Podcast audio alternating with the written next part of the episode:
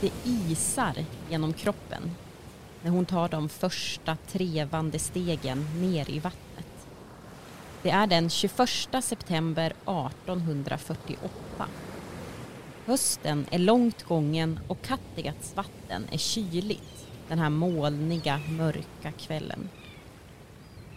Sofia Nilsson tittar ut i vattnet där den utländska pastorn står redo med vatten upp till midjan. På stranden står hennes make kvar, sjömannen och predikanten Fredrik Olaus Nilsson.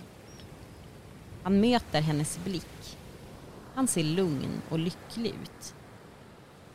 Han har redan gjort det som de andra är i färd med att göra nu. Att döpa sig som vuxna. Sänkas ner i vattnet, lämna sitt gamla liv för att sedan lyftas upp igen. På nyttfödda till ett nytt liv med Jesus Kristus. Sofias hjärta slår fort. Inte bara på grund av det kalla vattnet utan också av nervositet. Kommer de bli upptäckta?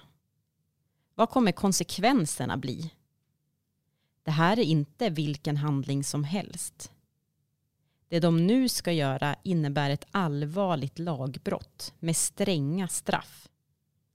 Det är de fullt medvetna om. Tre av de åtta personerna som har tagit sig ner till vattnet den här kvällen har plötsligt ångrat sig. Är de rädda för polisen? För vad familj och vänner kommer säga? Eller är vattnet alldeles för kallt och skrämmande? Oavsett vad så kommer inte Sofia ångra sig. Hon står fast vid sitt beslut och fortsätter gå ut i vattnet. Närmare och närmare den tillresta pastorn. Det är nu det händer. Det som de så länge har drömt om och bett för. Snart är det hennes tur. En stund senare sitter de i värmen i stugan i Borekulla. Några kilometer från stranden där de just har döpts. Sofias blöta dopkläder hänger på tork och hon har satt på sig sin söndagsklänning. Runt bordet sitter Sofias make och deras vänner. Fredrik Olaus håller på att läsa upp den bekännelse de nu ska anta när de bildar den första fria församlingen i Sverige. Han läser. Vid röstning hava alla medlemmar lika röster och avgörandet sker genom de här vid anförda rösternas pluralitet. Tänk, alla medlemmar har lika röster. Även hon, Sofia, ska få vara med och bestämma. Hennes röst kommer väga lika tungt som någon annans. Denna lilla församling kommer göra det som Sverige inte ens kommer ha gjort när hon dör 1903. Införa allmän och lika rösträtt.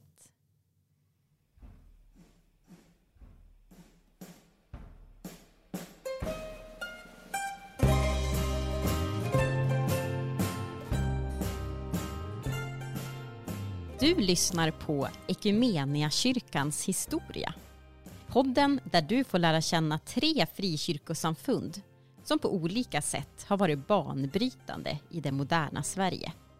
Svenska baptistsamfundet, Svenska missionskyrkan och Metodistkyrkan i Sverige. Tre samfund som 2011 bestämde sig för att återigen forma något nytt, gick samman och blev Ekumeniakyrkan, Sveriges nyaste kyrkosamfund som med sina baptistiska, reformerta och metodistiska rötter på många sätt är unik, även internationellt. Jag som kommer att vara med dig på denna resa genom Equmeniakyrkans bildarsamfunds historia och bakgrund heter Lina Mattebo. Jag är journalist och redaktör och medlem i en församling inom Ekumeniakyrkan. Denna podd är en del av ett studiematerial från studieförbundet Bilda. I det här avsnittet tar vi oss an Svenska baptistsamfundet. Det äldsta frikyrkliga samfundet i Sverige som trädde in på scenen den där mörka höstkvällen 1848. Vad var det som drev dessa personer att bli döpta och forma nya församlingar trots att de riskerade social utfrysning från släkt och grannar och böter, fängelsestraff och landsförvisning?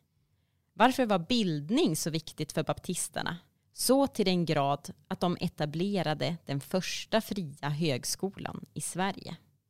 Och varför är baptister inte politiskt korrekta? Till min hjälp för att reda ut detta har jag Sune Falgren, pastor i Ekumeniakyrkan, lärare och forskare i praktisk teologi på Enskilda högskolan Stockholm och författare till boken Vatten är tjockare än blod, en baptistisk kulturhistoria. Varmt välkommen hit Sune. Tack. Du har ju alltså skrivit en hel bok om baptistisk historia. Varför är du så intresserad av baptismen? Jag tror att det beror på att jag fick det med modersmjölken. Och med tiden så vill man väl ta reda på vad det är jag har vuxit upp med och fått som en slags karta från barndomen för mitt liv. Mina föräldrar var alltså baptister och jag lät döpa mig som tolvåring och blev medlem i en baptistförsamling, Elim i Örnsköldsvik. Eh, och med tiden så upptäckte jag att det fanns ju olika slags baptister också och det fanns andra kristna med andra identiteter. Och då blev det viktigt för mig att försöka förstå vad det är för tradition, för kultur som har präglat mitt sätt att leva, mitt sätt att förstå livet. Och när jag gjorde det så blev jag mer trygg i min identitet och kunde också öppna mig för andra sätt mm. att vara kristen och andra traditioner. Din bok heter ju Vatten är tjockare än blod. Varför, varför valde du den titeln och vad, liksom, vad berättar det om baptismen? Ja, det kan man ju verkligen undra. Det låter ju lite skumt. Vi vet ju att eh, blod är tjockare än vatten. Mm. Men eh, när jag höll på att göra den här boken så gick det en dramaserie på tv som heter Tjockare än vatten. Och där var familjeband viktigare än andra band, till exempel mellan vänner. Och då tänkte jag, att det här säger någonting intressant om baptismen. Om man vänder på det där, att blod är tjockare än vatten och säger att vatten är tjockare än blod. Då skulle det innebära att det finns någonting som betyder mer än moderlivets vatten. Nämligen de band som knyts genom dopvattnet. Och de banden är då vänskapsband som är viktigare än genetiska band, politiska band, ekonomiska band. Mm. Och um, så är det för baptister. De har låtit dopvattnet relativisera en massa sociala konstruktioner. Man och kvinna, mm. slav och fri, jud och grek som redan Paulus sa på sin tid. Precis. Apropå dopvattnet. Precis, alla är ni ett i Jesus Kristus Precis. istället. Det är det som gör att man eh, eh, hänger ihop. Precis. Mm. Eh, när baptistsamfundet bildades då 1848 som vi hörde om i inledningsberättelsen så var ju egentligen inga andra trosamfund än Svenska kyrkan tillåtna. Så att bli döpt som vuxen var ett allvarligt lagbrott. Och den som bröt mot det här så kunde man få eh, böter, hamna i fängelse eller bli landsförvisad. Men också liksom riskera social eh, utfrysning. Jag läste om att i Gävle till exempel så eh, berättas det om så kö till länsfängelser som inte kunde rymma alla, alla baptister som hade dömts till, till fängelsestraff. Vad, vad tror du det var som ändå drev Sofia som vi hörde om eh, och de andra att, bild, att döpa sig och bilda den här eh, nya församlingen? Varifrån fick de liksom sitt mod att ändå göra detta? Jag tror att det hör samman med att eh baptismen då var en främmande fågel i Sverige. Det sättet att tänka som kom genom den världsvida baptismen till Sverige, det gav nya sätt att förstå saker och ting. Och det skapade också ett, eh, en kraft i människor. Att våga tänka andra banor och vågade avvika från det normala. För det var ju det baptisterna gjorde i ett enhetssamhälle där alla hade samma tro och samma ritualer och samma ordningar. Men, men de fick alltså nya tankar. Och en väldigt bärande tanke hos baptister ända sedan 1500-talet är att våga en, en frihet. Därför att den finns inskriven i själva livet och i vad Jesus Kristus har lärt oss. Så därför så fick jag väldigt tidigt i livet också lära mig att, att jag behöver inte göra värnplikt. Jag ska till och med inte göra det. För mm. Jag ska inte lära mig använda våld. Mm. Man behöver inte döpa spädbarn. Man behöver inte ta emot statsmedel till, till församlingen. Man behöver inte dricka sprit. Nej. Man behöver inte beundra män med makt. Man behöver inte läsa skrivna böner utan man kan be egna med hjärtat. Jag tror det var de nya övertygelserna som, som eh, fascinerade människorna på 1800-talet också. Just det. Den här berättelsen om det första, eh, den här bildandet av den första församlingen och det här dopet, eh, gissar jag att du har hört förr. Vad, vad, vad liksom känner du när du eh, hör den? Jag tycker det ger en autentisk bild av människor som vågade någonting nytt i en tid där det fanns väldigt få sprickor i det här enhetssamhället som Sverige var. Det var ett fattigt samhälle och det var ett samhälle som på något sätt upprepade sig själv hela tiden. Och jag kan tänka mig att människorna som vågar med handlingarna hade fått väldigt mycket mod genom de här nya idéerna och att man hade varandra. Mm. Den här lilla församlingen växer ju sedan till ett stort samfund. Du har ju redan berättat en del om vad du var som lockade människorna till det. Men kan du utveckla, liksom, vad var det som ändå vad var det som ändå fick det här att växa och bli så stort?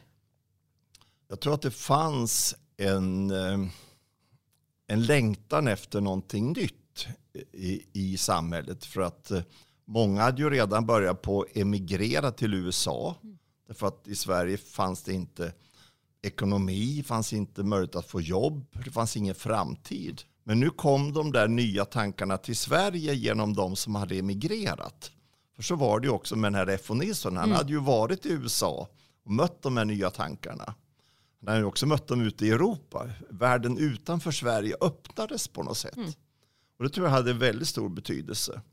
Och eh, kraften blev då väldigt mycket det här äventyret som baptismen inbjöd människor till. Mm. Att hitta ett slags samspel mellan en, ett, en ny läsning av skriften. Där finns saker som, som vi inte har sett därför att den här enhetskulturen har liksom bestämt vad det är jag också ska förstå. Just det. Och kombinerat det då med egna livserfarenheter.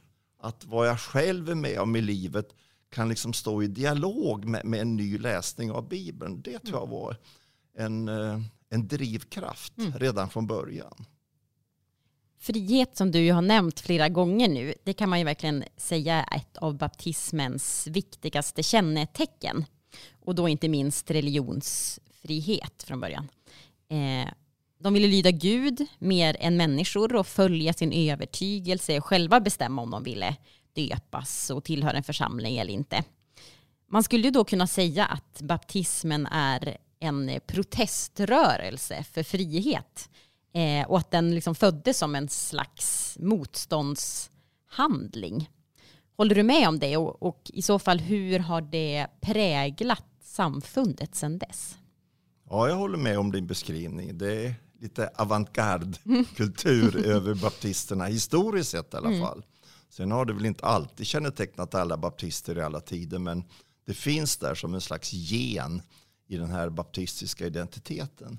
Eh, och jag tror att ett problem har varit att ibland blir det så mycket frihet från någonting istället för att tala om vad det är frihet till för någonting. Mm. Att frihet från statens inflytande handlar ju inte om att bli negativt inställd till samhället utan att på en annan grund kunna vara med och främja samtal och sida vid sida med andra människor få ett bättre samhälle.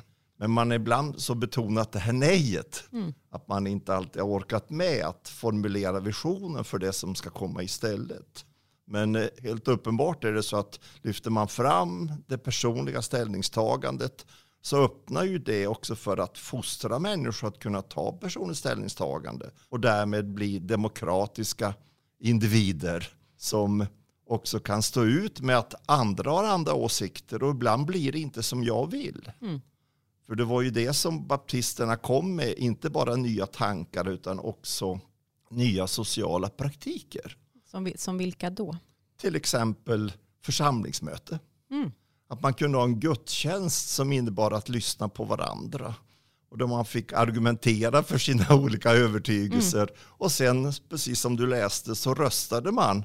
Och blev det inte som man själv ville, ja då var man ändå glad och mm. samlad. Och då blev det vad majoriteten ville. Och det, det är ingenting som vi är födda till. Nej. Utan det måste fostras fram. Och det var det baptisterna började på göra genom en ny social praktik som församlingsmötet var. Mm. Verkligen en del av eh, demokratins liksom, födelse eller eh, uppstart. Absolut, mm. och, och, därmed också eh, mänskliga rättigheter som, som både är av vad ska man säga, frihetskaraktär men också ansvarstagande. Mm. Det är inte bara att jag ska lämna någonting och bryta upp utan jag ska också gå in och ta ansvar mm. för någonting nytt. Inte ensam utan tillsammans med andra. Mm. Så baptismen har ju ibland blivit så väldigt mycket det personliga, det individuella. Men följer man dess historia så har det alltid kopplats till det här gemensamma. Att vi tillsammans kan skapa någonting nytt. Just därför att vi betonar de här friheterna. Hur stor del skulle du säga att de här nya sociala praktikerna från baptisterna präglade samhället i stort och liksom den utveckling som skedde i samhället under den tiden? Det fanns ju liknande sociala praktiker som började på växa fram samtidigt. Framförallt genom de stora folkrörelserna. Där man, har, man möttes till associationer, till föreningar, hade föreningsmöten och så. Mm. Men eh, baptisterna ligger lite före och ligger framförallt före hur man socialt konstruerar de här praktikerna. Mm. Jag kan ta till exempel från Lerbäck socken där jag bodde ett tag och mm. försökte utforska dess baptisthistoria. Tittar jag på matriken i församlingen i Lerbäck, de till och med vågar kalla sig för Lerbäcks församling, mm. Då så, att, så heter ju också Svenska kyrkan. Eh, tittar jag i matriken så står det en kvinna först i matriken och hon är piga. Mm. Det vill säga att också föra bok över vilka vi är visar en annan social struktur. Mm. Och eh, när man eh, möttes till så kallat församlingsmöte, då skrev man ett samtalsprotokoll där allas repliker skrevs ner. Mm. Det är verkligen också det här att eh, allas röster är lika mycket värda. Precis, allas röster skrevs ner oavsett liksom, ekonomisk bas och så. Va? Och det fostrade fram någonting nytt. Mm. Och där hade baptismen en mer radikalare sätt att göra de här sociala praktikerna. Och därför var baptisterna också först med en sån social praktik som att sjunga i kör. Mm. Och att män och kvinnor sjöng tillsammans. Redan 1856 fanns det körer i baptistförsamlingar som leddes av kvinnor. Och när man gjorde den första församlingssångboken så gjorde man den med stämsång. Mm -hmm. För man hade ju inte råd med orglar. Mm -hmm. Men vi har sångröster. Och därför så lärde man varandra att sjunga i stämbor. För att liksom höja en, en kulturell kvalitet men också för att uttrycka skönhet. Mm, vad spännande. Och, och, också det där att göra saker tillsammans. Återigen. Precis. Mm. Och jag skulle nämna många sociala praktiker som, som just baptisterna odlade och därmed fostrade fram en, en radikalitet mm. som också kom samhället till del. Du skriver ju i din, i din bok att du tidigt blev medveten om att baptister inte är politiskt korrekta. Kan du berätta vad du menar med det och kanske ge något exempel? Ja, jag tycker vi redan har varit inne på många exempel på, på, att, på att baptister inte alltid uppfyller den norm som ens förväntas bland kristna. Detta att man inte döper barn. Just det. det var ju det politiskt korrekta i landet mm. också. Mm. För det var ju på så vis man visade att man var en del av det svenska samhället och så. Så därför blev ju många baptistfamiljers barn tvångsdöpta i början. Mm. För att de var så inkorrekta. Men eh, jag skulle också säga att det här att vi, många baptister har vägrat vapen ett exempel på att inte vara politiskt korrekt. Och det innebär ju inte att inte baptister vill ta ansvar för samhället. Men man, man markerade sin, sin övertygelse att våld löser inte konflikter. Mm. Och att det finns andra sätt att lösa kriser på än att möta dem med våld. Så det är väl en sån där tydlig exempel mm. på, på att inte vara politiskt korrekt. Mm. Men... Eh, är detta lika starkt idag tycker du? Jag tycker inte det. Mm. Jag tycker att baptister har blivit för slätstrukna. och, därför, eh, och det hänger lite samman med historielösheten också. Mm. Att vi idag inte alltid odlar kunskaper om våra rötter och, och binder det samman med våra liv här och nu. Mm. Men ehm, ja, ett exempel på, på den här Ytterligare ett exempel på att man inte var politiskt korrekt var ju att man inte bara började med söndagsskola mm. utan också med vardagsskolor.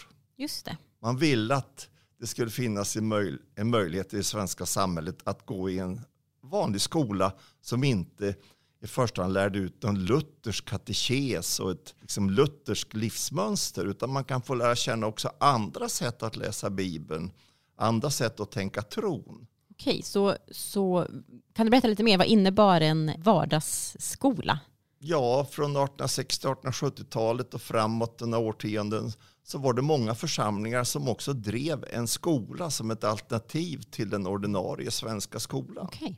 Så det var vardagsskolor. Mm. Och då grundade man också yrkesskolor och musikskolor för att människor skulle kunna få utbilda sig för nya yrken och annat som inte mm -hmm. var så traditionellt svenska. För många saker i Sverige behöll det agrara samhället. Men baptisternas skolor var liksom en slags förberedelse för ett nytt samhälle som mm. skulle komma. Spännande. Yes. Verkligen. En, en, en sak jag har funderat på när det gäller den här betoningen på frihet som vi har varit inne på nu är att det är ju också väl känt att många församlingsmedlemmar samtidigt var ganska hårt hållna på olika sätt liksom inom församlingen. Och där kanske inte var så fria skulle man kunna säga. Vad, vad tänker du om det? Då skulle vi kunna komma in lite grann och resonera om baptismens baksidor också. Mm. För baptismen har ibland gått i en riktning där man har blivit allt för kognitiv. Det vill säga man satsar allt på att man ska kunna lära sig saker och ting. Men vi har ju andra sätt att upptäcka världen också. Så hemma i församlingen där jag växte upp så var man tvungen att vänta med ropet till dess att folk ansåg att man hade förstått vad det var för någonting. Mm. Men vem förstår Gud? Nej. Vem förstår världen? Eh, så det är en sån där, vad ska man kalla det för, eh, betoning inom baptismen som har lett till, till en slags intellektualisering eller alltför kognitiv framställan. Det andra är att, att man ibland har gjort eh, bibelläsningen till en slags biblicistisk övning. Mm. Det vill säga att man glömmer att baptismens rötter var att man trodde inte på Bibeln utan man trodde på Jesus. Mm. Men det smög in också i baptismen det där biblicistiska att man ska tro på Bibeln eller vad någon enskild baptist säger att så står det. Mm. Men ingen av oss läser ju som det står utan som vi förstår. Just det. Men en del gjorde det där som de förstod till en slags lag och då blev baptister ibland väldigt lagiska och då höll man barnen för hårt. Mm. Och då kunde en församling bli väldigt sluten och, och sekterisk. Och det har också baptismen drabbats av. Mm. Så det var baksidan.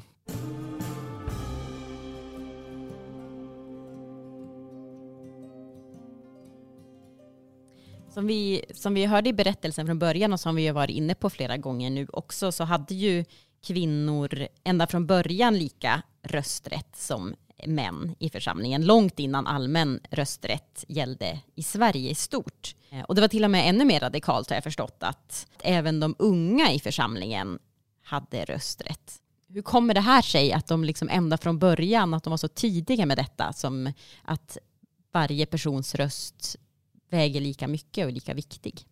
Här tror jag att läsningen betydde mycket, bildningen. Att man läste Bibeln på ett nytt sätt och upptäckte att i den tidiga kyrkan så var alla ett. Och när man möttes till gemenskap så, så var allas röster och annat lika mycket värda. Så där var det väldigt mycket en nyläsning av Bibeln som mm. inspirerade den här radikaliteten. Men tyvärr så blev den ju inte alltid fullföljd i alla stycken. Kvinnorna hade rösträtt i församlingen. Men det tog tid innan kvinnor kunde bli baptistpastorer. Just det. Eller det tog tid innan eh, ungdomarna liksom riktigt erkände samma ställning också. Inte bara i ett församlingsmöte utan också i, i andra funktioner. Mm. Så att eh, även om de var i framkant där i början så tog det lång tid innan baptisterna själva lärde sig hur radikalt det här egentligen var. Mm. Varför tror du att det var så då? Att det inte fullföljdes på alla håll? Ja, det är väldigt svårt att genomdriva kulturförändringar. Jo. Det tar tid. Mm. Eh, och, och, man sår ett frö men man måste också låta det bli sått i den egna åkern. Det tar mm. tid att utveckla innebörderna av, av radikalitet. Mm. Hur bemöttes den här radik radikaliteten kring eh, allas lika röster av samhället runt omkring? Ja, man förstod ju inte det här utan man eh, satte ju sektstämpel på baptister. Mm. Eh, och de blev ju exkluderade från väldigt många olika sammanhang.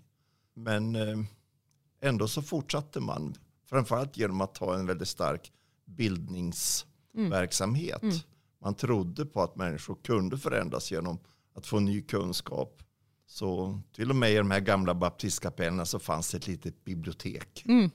Som inte bara var öppet för medlemmarna utan också för andra att komma in och läsa böcker och, och studera och lära sig andra sätt att tänka. Okej, okay, så de hade liksom egna bibliotek? Egna bibliotek i församlingen, mm, ja. Spännande. Hur, för att vi har ju pratat om både frihet och mänskliga rättigheter, att det kan sägas vara två baptistiska ideal, mm. liksom, men också den här folkbildningen. Ja. Hur, varför blev folkbildning så viktigt för, eh, för baptisterna? Dels så var det ju influenser från USA. Den första rektorn för den högskola som bildades 1866 här mm. i Stockholm, mm. Betesseminariet. Så rektorn var ju Brody, mm. översten mm. ifrån USA som mm. Ola Larsmo nu har beskrivit så fint i, mm. i, en roman. Han tog ju med sig de här bildningsidealen in i också institutionerna som baptisterna eh, grundade. Mm. Och då blev det inskrivet att det var viktigt med både våra erfarenheter men också att ta del av vetenskaplig kunskap som det står i, i konstitutionen för den här mm. högskolan 1866. Eh, och det har dels har det att göra med det här kognitiva draget i baptismen, att man är intresserad av att utforska saker och ting och få tag i kunskap, men också en slags tro att kunskap befriar oss människor. Mm.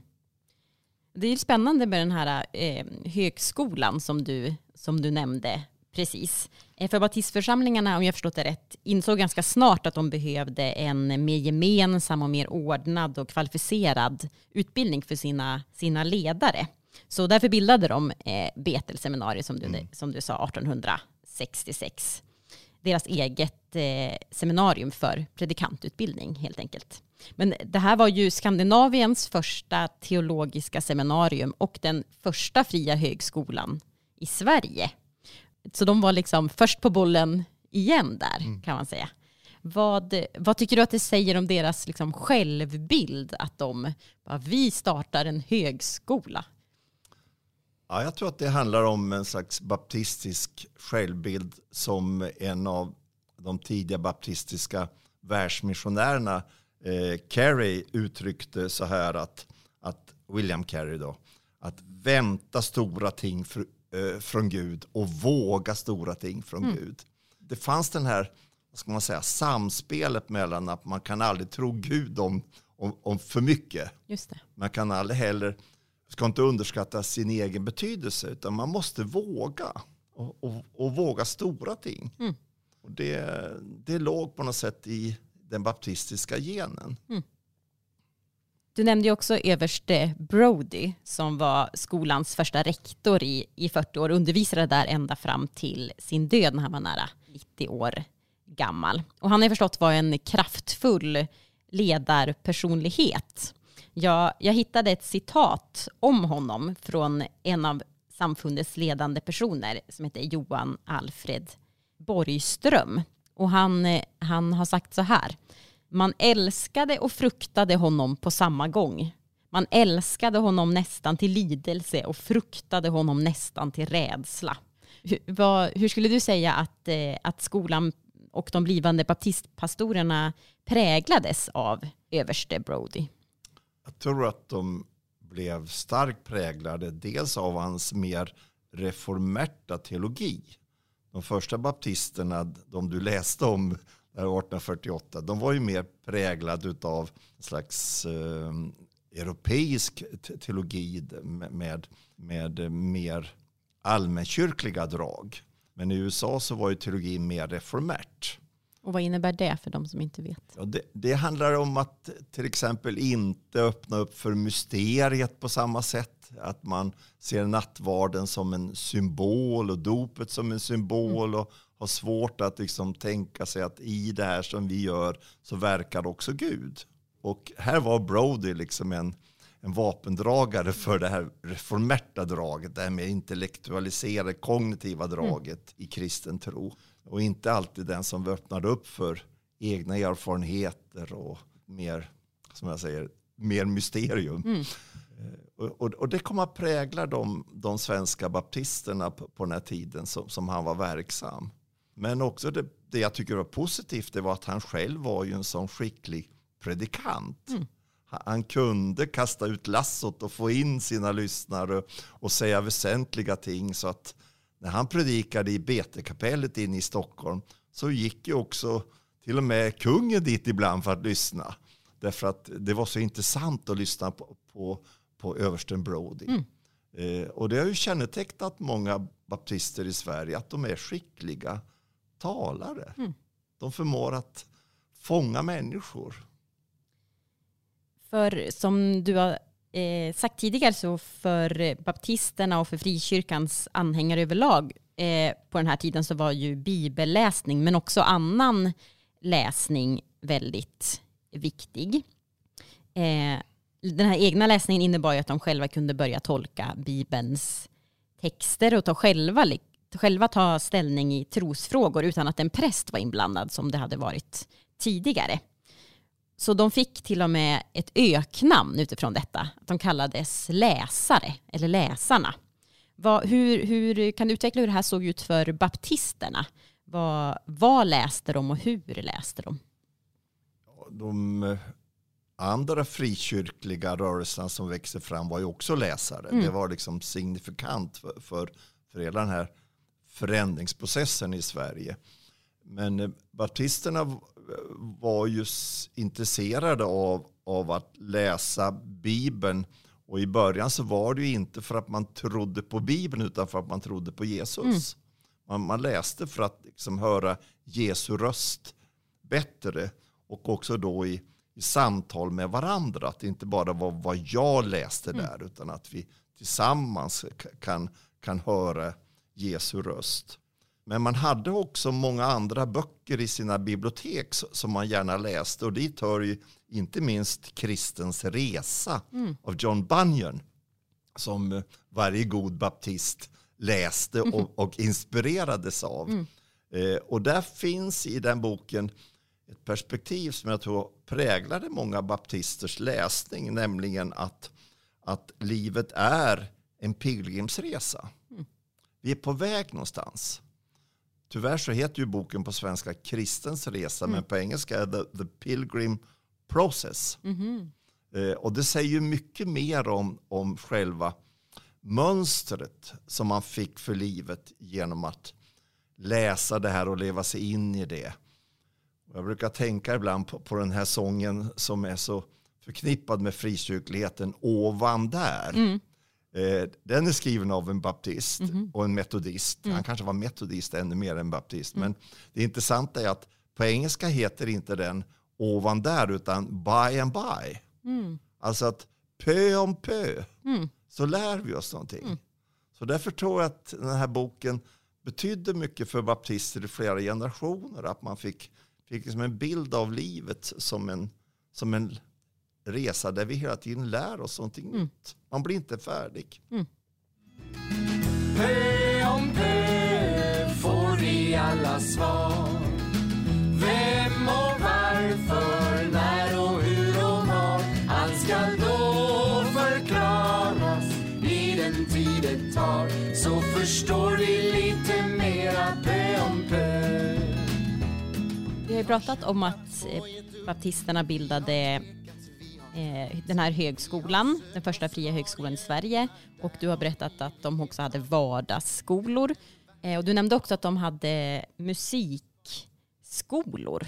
Varför, var, varför var sång och musik så viktigt för baptiströrelsen? Varför det är viktigt vet jag inte. Men, men, men, men Kan du var, berätta hur, på vilket sätt det var viktigt? ja, men de, de, det ingick på något sätt i den baptistiska genen att sjunga. Mm. Eh, Och att eh, Eh, mötas till, till bön och gudstjänst var väldigt starkt inspirerat av saltaren som finns i Bibeln. Och, och eh, saltarens eh, salmer blev liksom också ett mönster för, för hur, hur man möts som, som kristen gemenskap.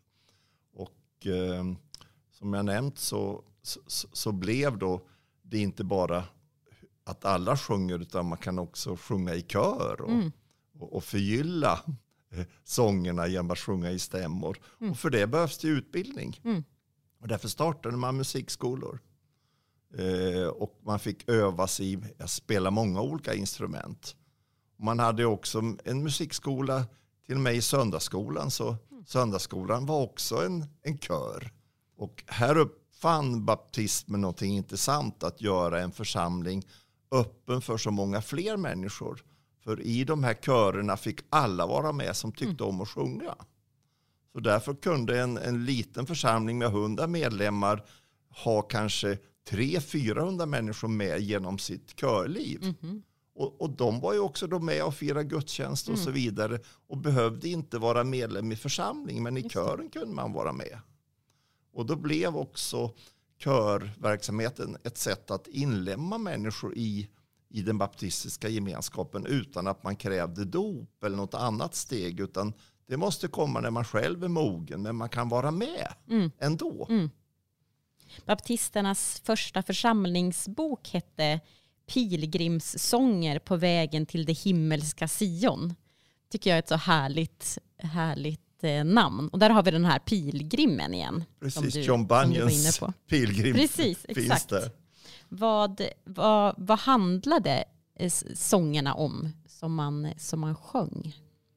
Ja, just den eh, första sångboken som du nämnde, den var ju starkt präglad av den eh, pietistiska väckelsen som fanns i Sverige och som fanns på västkusten. Och som eh, F.O. Nilsson själv hade med sig. Men han byggde ut de teologiska motiven med de nya motiven som fanns i baptismen som man hade börjat lära känna. Och pietismen, kan du berätta lite vad, vad innebär det för de som inte har Ja. koll? Pietismen var ju en slags folklig väckelse från 1700-talet och framåt som särskilt betonade den personliga erfarenheten och den lilla gruppens betydelse i, i kyrkan. Och, eh, F.O. Nilsson var till exempel med och, och skapade små grupper av nykterhetssällskap för att hjälpa människor i, i dåtidens Sverige att, att komma loss ifrån missbruk. Mm. Men eh, om, om vi tittar på, på, på baptisternas sångböcker och vad de sjunger. Så, så eh, om jag eh, går vidare ifrån hans sångbok så, så många salmer och sånger handlar ju om att få inspiration till att göra någonting.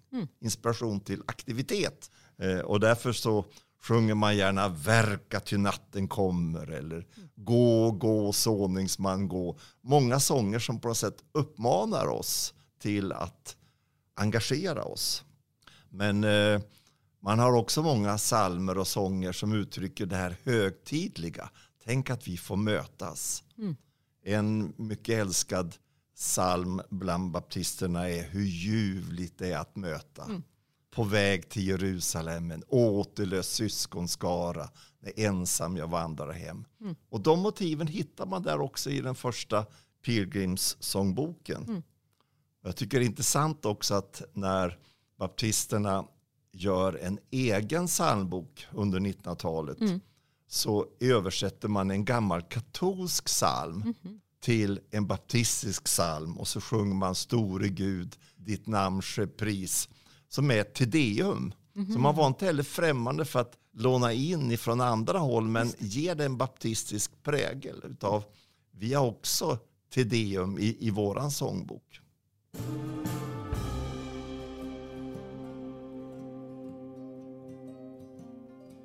Sedan eh, snart tio år sedan så finns ju egentligen inte Svenska baptistsamfundet längre. Utan man är ju en del av Ekumeniakyrkan. Vilka, vilka frågor tror du har varit svårast för baptister att hantera i det här samgåendet? Det är jag nog inte rätt person att, att säga för jag, jag var inte med i de processerna så där från insidan. Men jag tror att jag kan se ändå att det fanns spänningar mellan de mer svenska traditionerna. Alla de här svenska rötterna som vi har i, i vår folkbildningstradition, folkrörelsetradition och det här mer internationella som bland baptisterna har odlat men också metodisterna. Och, och där kan man känna att det, det skavde i processen. Ska dopet va- vara grunden för tillhörighet i församlingen eller är det som i missionskyrkan, det räcker med den egna bekännelsen? S- Ska man se på församlingen som en församling eller eh, vad gör man med föreningstraditionen? Jag tror att där har det skavt eh, på, på vägen in i, i den här nya kyrkan. Men jag tror det som skavde mest och skaver mest det är ju vad, vad gör man med de nya utmaningarna? Med eh, den typ av andlig förnyelse som pågår idag. Vad, vad, vad vill vi ska prägla den nya kyrkan? Är det det som händer bland i den evangelikala rörelsen eller den karismatiska väckelsen? Eller vad är det som ska få ge drivmedel för, Ekumeniakyrkan? Sånt tror jag var svårare än, än de historiska rötterna. Men det är en gissning bara. Och vilka tycker du är Svenska baptistsamfundets stora styrkor som vi behöver eh, förvalta och hålla fast vid i den- nya kyrkan? Då ska jag föreslå två saker. Det ena är det nedärvda arvet eller nedärvda insikten att man måste hitta ett samspel mellan den enskilda tron och den gemensamma tron. Mellan mina egna erfarenheter och lyssna på andra så att det egna kan bli en del av någonting gemensamt. Där tror jag baptismens praktiker och arv har någonting viktigt att bidra till ett samhälle och en tid som är väldigt individualiserad. Eh, och eh, där, där, där, tror jag baptismen kan fortsätta betyda något. Och, och det andra det- det är det faktum att baptisternas radikala övertygelse omkring dopet har inte hindrat baptister från att också eh, arbeta med dopet i en ekumenisk sammanhang och utveckla en teologi och praktik som är ekumenisk och innesluter andra. Den vägen som baptister har gått i dopteologin är, visar också hur radikalt man kan tänka nytt. Att även om vi har vår övertygelse om, om dop som man själv väljer, som man själv tar emot, så öppnar man också upp att erkänna andra människors dop.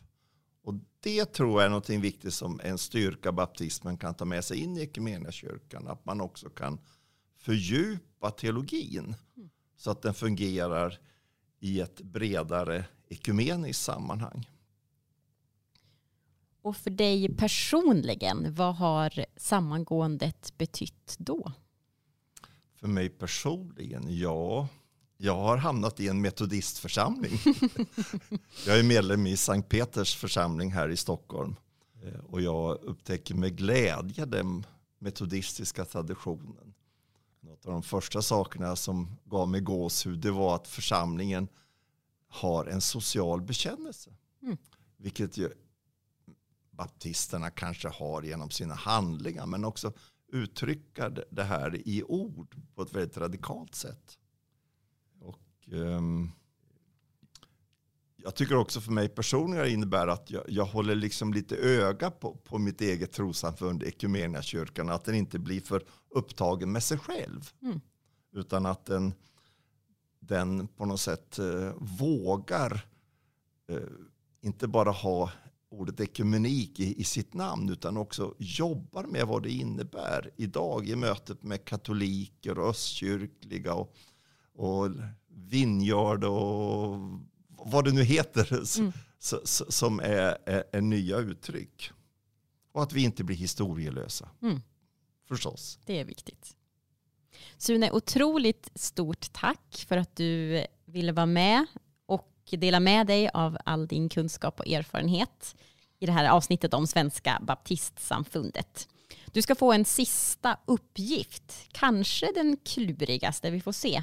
Nämligen att utifrån det som vi har pratat om nu, om du skulle kunna sammanfatta den svenska baptismen i tre kännetecken. Ja, det är, det är lite klurigt att mm. sammanfatta ska man säga, en hel kultur med, med, några nyckelord. Men eh, självklart så måste ordet frihet finnas där. Mm frihet och radikal gemenskap. Mm. Och tro som är um, modig. Mm.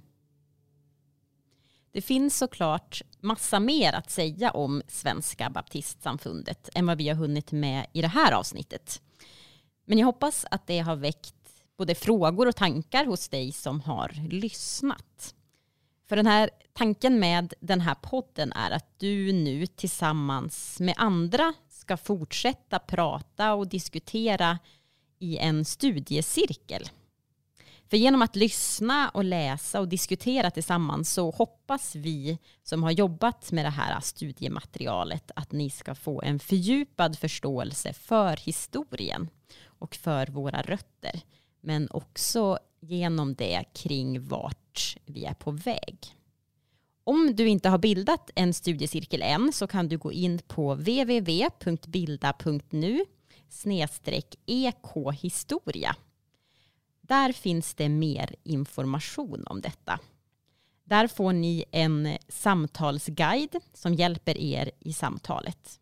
Där finns också tips på böcker, artiklar, webbsidor och annat fördjupningsmaterial för dig som vill lära dig mer. Jag som har lett samtalet heter Lina Mattebo. Ljudtekniker har varit Axel Rydén.